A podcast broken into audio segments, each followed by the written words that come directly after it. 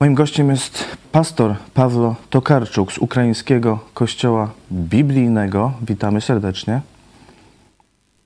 Dobry dzień. Czym się pastor obecnie zajmuje, w co się angażuje? No, e, Zwyczajne obowiązki pastora, jakie miałem, można powiedzieć, zwielokrotniły się. Opiekuję się ludźmi w różnych kwestiach. Trzeba zajmować się duchowym, psychicznym i moralnym stanem стан, ludzi. який зараз є в людях. Różne służby w kościele, na przykład programy dla dzieci i młodzieży, wszystkie one przekształciły się po 24 lutego. Cały Kościół zaangażował się w pomoc uchodźcom. Допомагати служити е, переселенцям.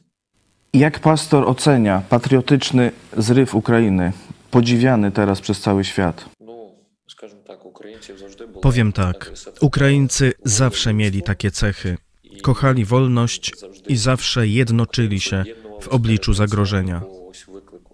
Mógłby pastor wskazać, jakie są przyczyny tego, że Ukraińcy wykazują tak bohaterską postawę?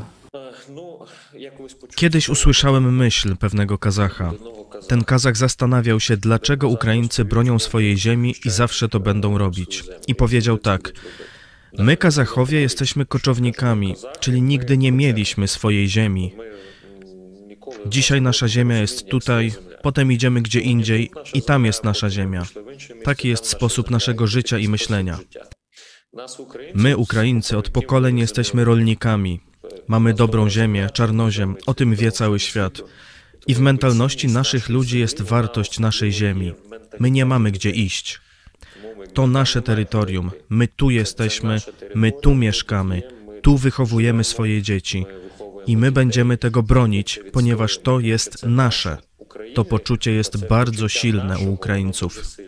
Jaki to ma wpływ na Ukraińców, że mogą bezpiecznie umieścić w Polsce e, i w innych krajach swoje matki, żony i dzieci? Po pierwsze, chciałbym szczerze podziękować naszym polskim braciom i siostrom. Mogę nazwać bratem i siostrą każdego, kto nam pomaga i kto opiekuje się naszymi kobietami, naszymi rodzinami, naszymi dziećmi.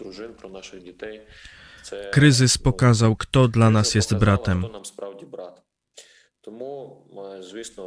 Ukraińcy czują się bezpiecznie na terytorium Polski, ale jednocześnie, o ile wiem, po rozmowach z ludźmi, chociaż czują się bezpieczni, to są jednak problemy. Na przykład to, że ludzie są na obczyźnie, żyją w niepewności, nie wiedzą, co będzie dalej, jak długo tam zostaną, nie mają pracy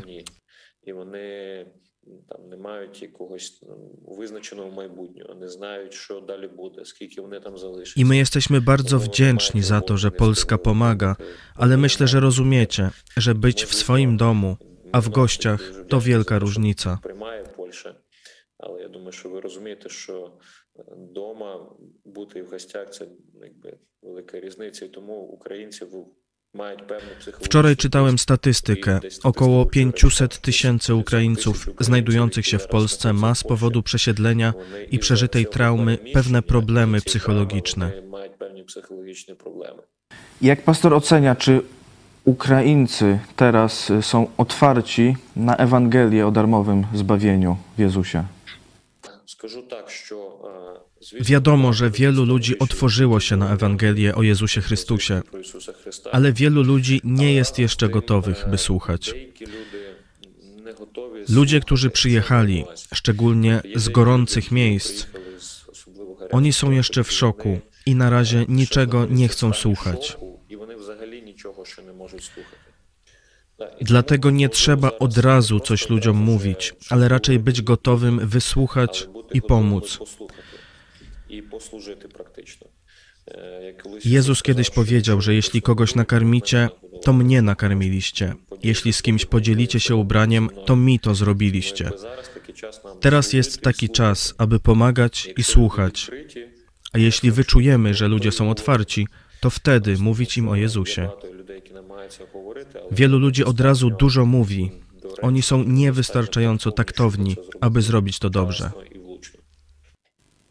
A na jakie y, aspekty Słowa Bożego Ukraińcy reagują y, najżywiej, czy reagowali do tej pory najżywiej?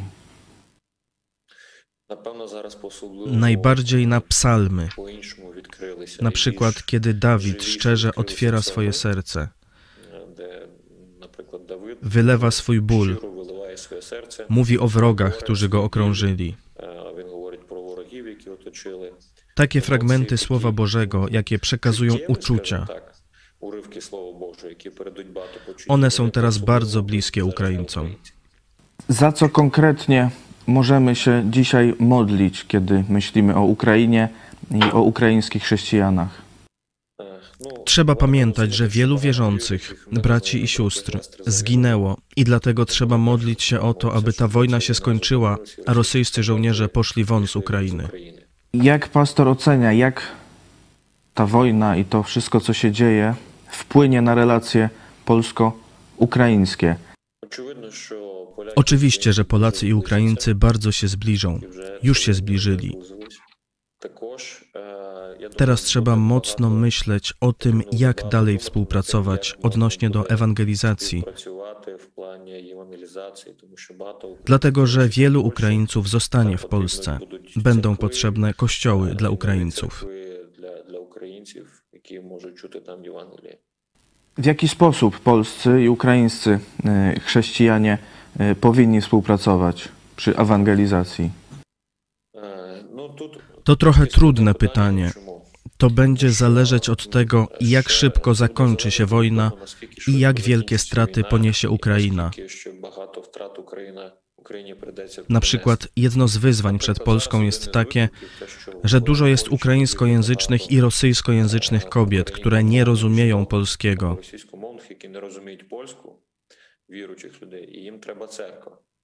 To są wierzący ludzie.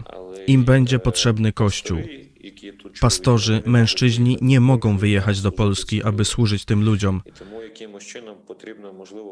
Polskie kościoły muszą pomyśleć o tłumaczach lub o jakimś innym sposobie, aby można było służyć Ukraińcom w Polsce.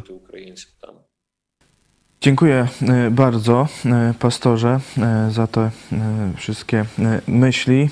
Będziemy się modlić o zwycięstwo Ukrainy y, i o y, skuteczne głoszenie Ewangelii. Dziękuję bardzo. Pastor Pawlo Tokarczuk, Ukraiński Kościół Biblijny. Dziękuję.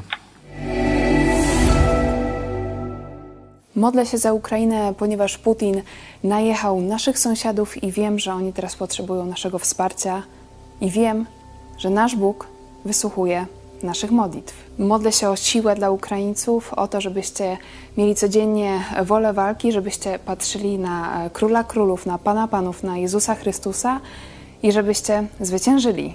Modlę się za Ukrainę, bo została zaatakowana przez wielkie komunistyczne państwo, a wojska rosyjskie używają zakazanej broni, bombardują szpitale. Modlę się za odważnego prezydenta Ukrainy, by Bóg dał mu siłę, i za dzielnych obrońców Ukrainy, aby wreszcie otrzymali realną pomoc od świata. Ja wspieram i modlę się za Ukrainę, bo to dzielny naród jest. Nie, nie malują kwiatków na, na chodnikach, tylko mieli się twardo za obronę swojej ojczyzny.